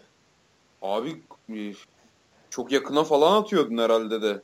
Yoksa Yok imkanlı çok bir şey çok mi sert ya atıyordum. 30 yardta falan parmak kırma. Vallahi kırılıyor işte. An, sor Hilmi'ye anlatsın. Yani şu an hiç yoksa aklıma gelen 5-6 kişi var. 5-6 leşim var diyorsun yani. Yani e, marifet sanıyorsun onu da. Yani çok sert atayım, hızlı atayım, bam işte kamera yakalayamasın topu falan. Sanki bir kamera varmış gibi. yani Bir de şey gibi çekti benim. Plastik top diyor. O zamanlar toplar plastik miydi? E tabi şeylerle şimdi bu e, dummy bollar var ya hı. onlarla maça çıkıyorduk biz. Nerede deri top bulacaksın da Deri topu Ya- zaten ev- evde böyle odada sergilerdiniz herhalde o zaman bulsanız. Ya sen ne diyorsun? Ben hatırlıyorum bir gün antrenman yapacağız. Yine Recep Hoca bak bizi anıyor herhalde. Buradan da saygıyla analım. Recep Hoca ile tartıştık. Kızdı bize geldi topumuzu aldı. Koskoca Boğaziçi Saltins'ın bir tane plastik topu var. Antrenman yapamadık. Sonra aramızda para topladık. Gittik Ak Merkez'de böyle kırtasiye gibi bir yer vardı. Orada süs olsun diye başka bir plastik top satılıyordu. Aramızda para toplayıp arabayla gittik. Bir plastik top daha aldık da onunla idman yaptık. Ne sanıyorsun yani? Oo. O plastik top bile lükstü yani o zamanlar. Bir de, bir de demiş işte oramız buramız mor olunca kız arkadaşlara konuyu anlatamazdık. E, iyi ki de anlatamamış vallahi adam şimdi. Ya. Perula işi var abi. yani Eldivenimiz mi vardı diyor. Vardı tabii bak Alper'e. Alper Özpınar'ın vardı. ya o da çok ilginçtir yani. Alper Özpınar Yeditepe'yi kurdu Boğaziçi'nden ayrıldıktan sonra. Akademisyen oldu. Ya nereden bulduysa Yine 80'li yılların sonu 90'lı yılların başı. Elinde bir tane receiver eldiveni.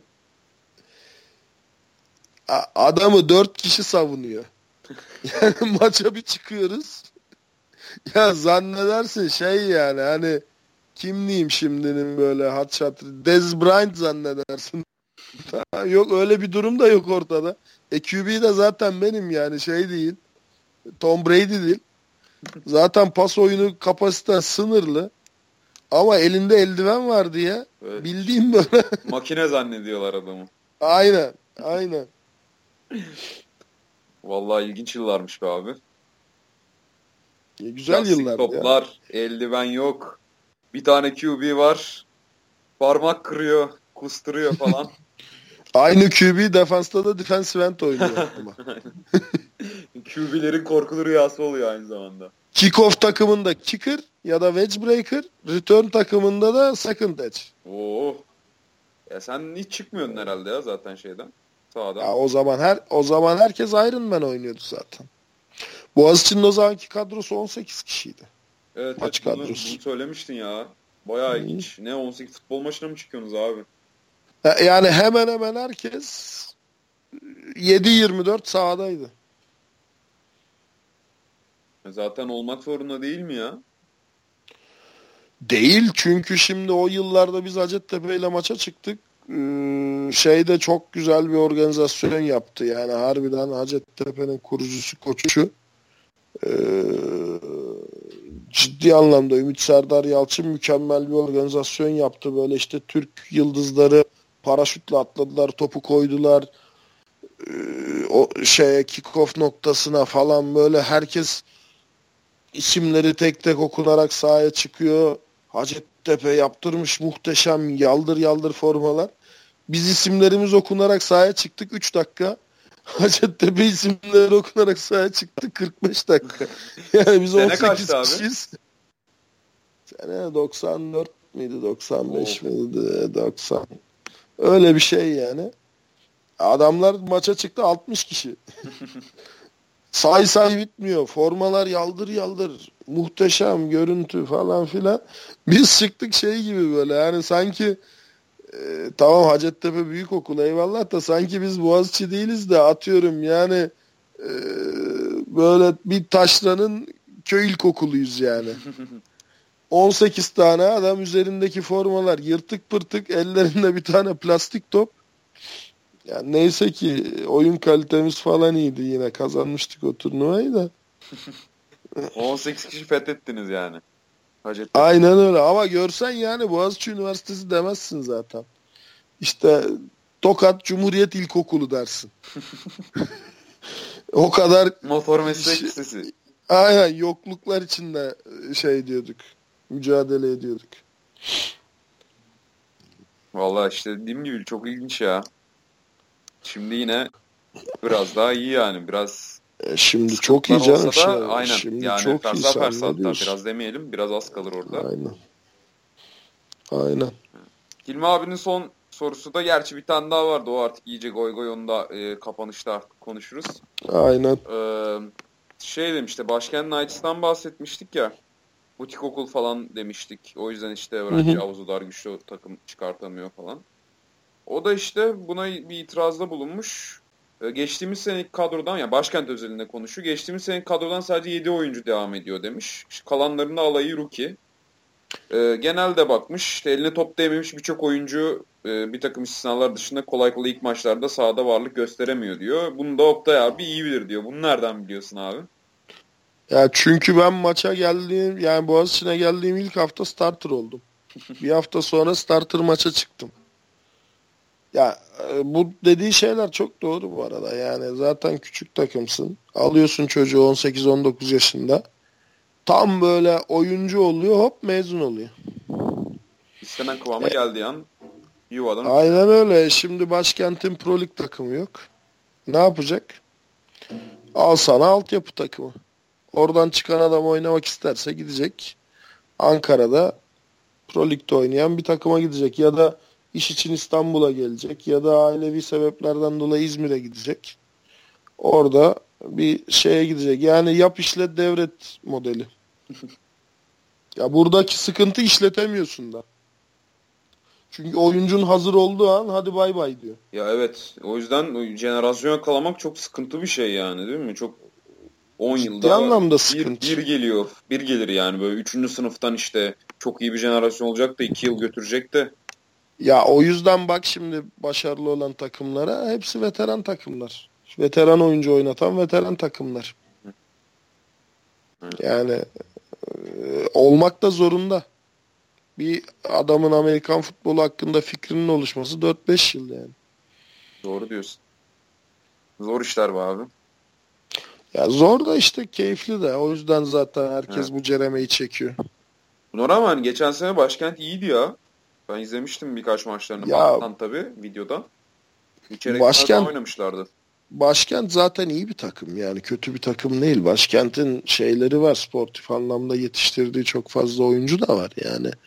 Başkent'ten çıkan e, bayağı yetenekli kaliteli oyuncular da oldu. Pro Lig'de başka takımlarda oynadı. Ya bak bu konuştuğumuz takımların farkındaysan hepsi diğer takımları besleyen takımlar. Butik okul diyoruz. işte sporcu havuzu az diyoruz. Şöyle böyle diyoruz ama baktığın zaman en iyi takımın en dominant oyuncuları da işte Işık'tan, Bilgi'den, Başkent'ten, şuradan buradan gelen oyuncular. Aynen. Yetişiyor yani. Onlar da yetiştiriyor. Yetişiyor yetişiyor tabii ve kötü takımlar değil sadece göz önünde değiller. Yani aynı şeyde işte Ankara takımları, İzmir takımları, özel üniversite takımları e, Yaşar çok iyi oyuncular yetiştiriyor. Yani Mert bakıyorsun- bir tanesi işte. Gerçi Yani-. Aynı yapıp şimdi ekonomide koşuk yapıyor da. Yapsın işte ne güzel bak kenara çekilmiyor elini taşın altına sokuyor çocuk helal olsun. Aynen. E abi o zaman artık şu son soruya geçelim mi? Geçelim. En son işte İlmi abi Homecoming'e gelmiş de bizim Boğaziçi'ne işte mezunların hani eve dönüş misali. Ne yaptınız Kuzey Kampüsü diyor. Karanlık bilim kurgu filmi gibi diyor. Hani sanki Ya- bilmiyorum Kuzey Kampüs eskiden böyle Alice Harikalar Diyarı gibi bir yer miydi? Benim gördüğüm kadarıyla hani damsız işte böyle 80'lerin vergi dairesi gibi binalar var Kuzey Kampüs'te sırf. Ya Allah aşkına Kuzey Kampüs neymiş de ne olmuş? Kuzey Evet, Kampüs aynen, dediğin aynen. zaten ben sana söyleyeyim halkalı iki telli TOKİ konutları. işte tamam abi ya. Ya, Kamu dairesi gibi böyle. ya ben penceresi olmayan derslik hatırlıyorum oradan ya. Dersliğin sınıfın penceresi yoktu yani. Koskoca Kuzey Boğaziçi Kampüs. dersin. Ya koskoca Boğaziçi dediğin kısmı Güney Kampüs. Bunu herkes biliyor işte. Robert Koleji olarak kurulan. Amerikalıların eski- yaptığı. Aynen eski tarihi binalar. Boğaz'a yukarıdan bakan. Doğası muhteşem. Binaları muhteşem. İçinde orman olan, İsviçre ormanları olan, planlı programlı olan. Onun dışındakiler Allah'lık zaten. Kuzey Kampüs, Uçak Savar Kampüs, Hisar Kampüs. Evet. Hisar Kampüs, Şirinler Anaokulu. Kuzey Kampüs, TOKİ konutları.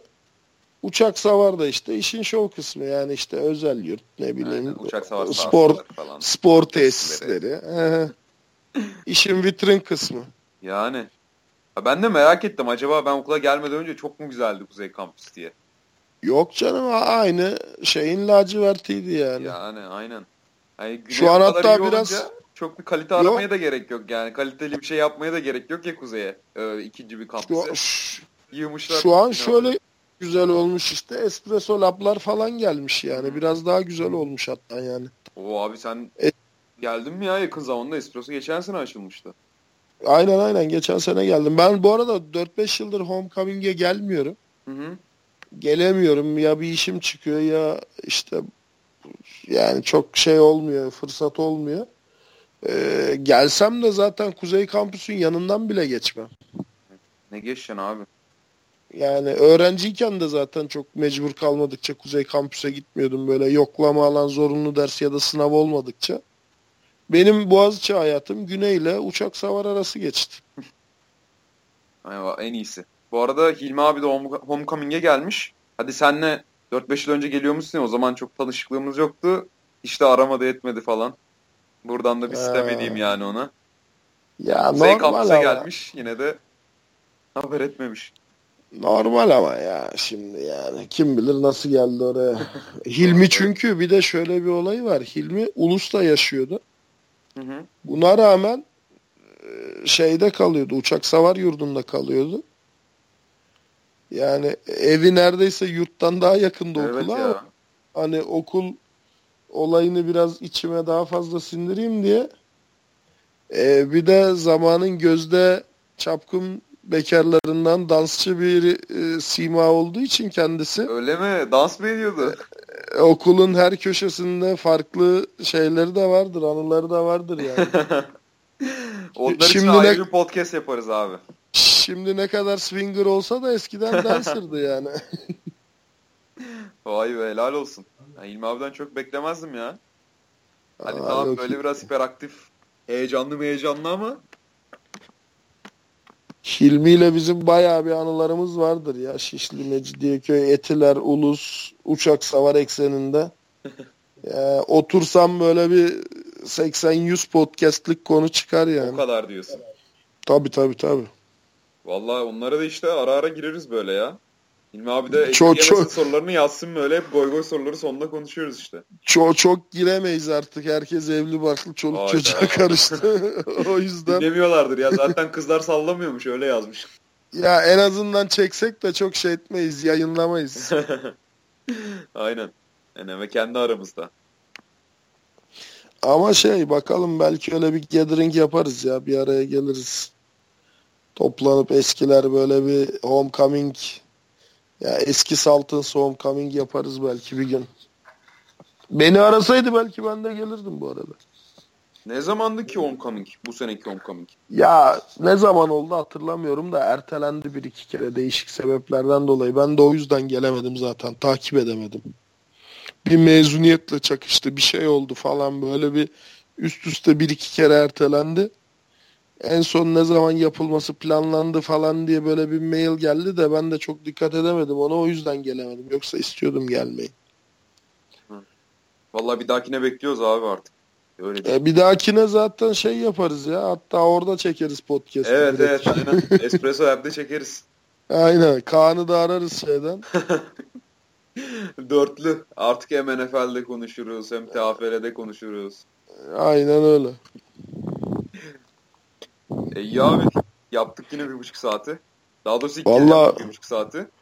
Vallahi bir buçuk saat olmuş. Demek ki maç olmayınca daha çok konuşacak konumuz oluyor. Vallahi aynen ya. Bu da Gerçi- işin acı, Evet, işin evet. il- ilginç ve acı yönü. Yani.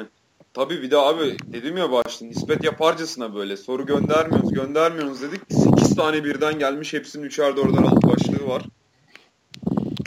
Ya bu arada hani biz böyle sorulara çok hani şey hani öyle değil böyle yanlış söylüyorsun şöyle gibi hani düzeltecek şekilde cevap vermiyoruz. Biz sadece sorular üzerinden tartışıyoruz. O yüzden bizim için gerçekten olumlu olumsuz kötü ya da eleştiriye tahammülsüzlük gibi bir şey söz konusu değil. Biz sadece olaylara farklı bir bakış açısı getiriyoruz. Aynen. Yani Yani gündem de yaratmış oluyoruz kendimize. Aynen öyle. Tamam sen o açıdan bakıyorsun. Kendince haklısın. E ben bu açıdan bakıyorum. Bir de gel böyle bakalım Hı hı.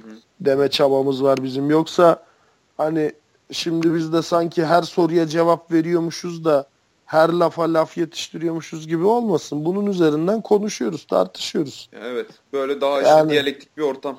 Olumlu Aynen. olumsuz çarpıştığı.